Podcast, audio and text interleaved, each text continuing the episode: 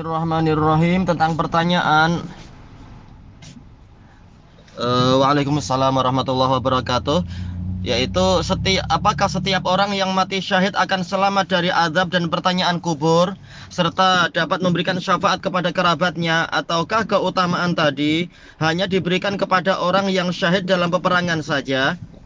Bukankah orang yang mati tenggelam sakit perut tertimpa bebatuan dan sebab yang lain yang disebutkan dalam suatu hadis itu juga mendapatkan pahala mati syahid ya mereka mendapatkan pahala mati syahid sebagaimana yang disabdakan oleh Rasulullah SAW. Tetapi untuk yang selamat dari pertanyaan kubur dan berarti juga selamat dari adab kubur ini sebagaimana yang ditanyakan oleh para sahabat ya Rasulullah ma balu syuhada la yus'aluna fi kuburihim Wahai Rasulullah, kenapa orang-orang yang mati syahid itu tidak ditanya di kubur-kubur mereka? Maka Rasulullah Shallallahu Alaihi Wasallam bersabda, "Kafa bibari saifi ala fitnah."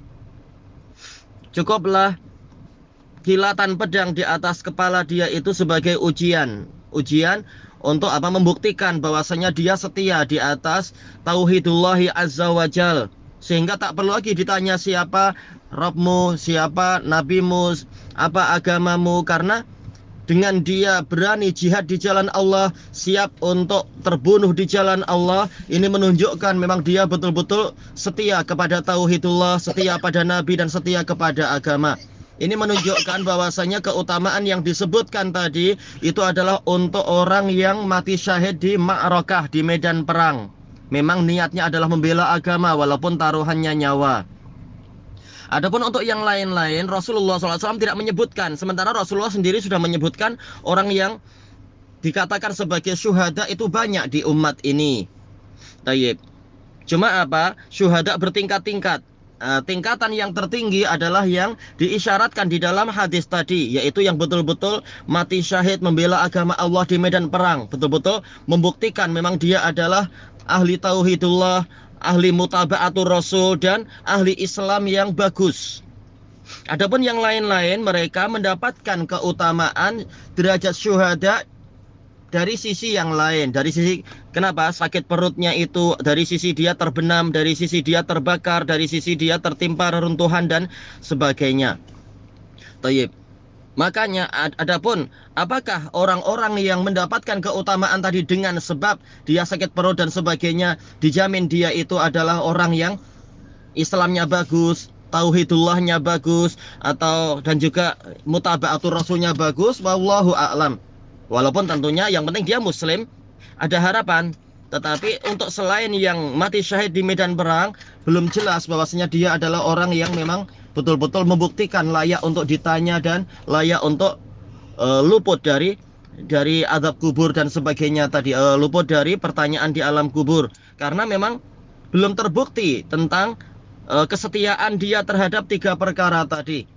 Berbeda dengan yang mati syahid di medan perang yang lain-lain mati syahid dengan sebab yang lain bukan dengan sebab menegakkan agama dan juga tauhidullah dan mutabaatur rasul.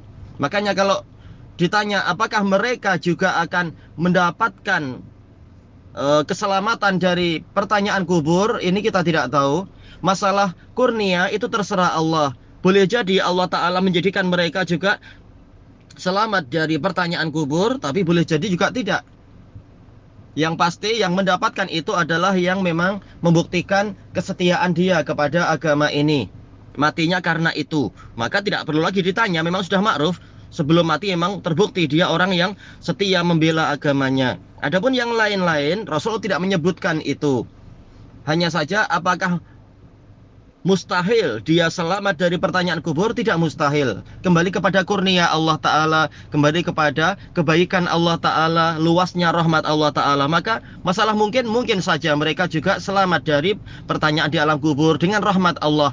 Tetapi kalau berdasarkan hadis maka yang mendapatkan fasilitas tadi yang dijamin mendapatkan fasilitas tadi adalah orang yang memang sudah membuktikan dia itu setia di dalam tiga perkara itu sehingga tak perlu lagi ditanya Wallahu a'lam.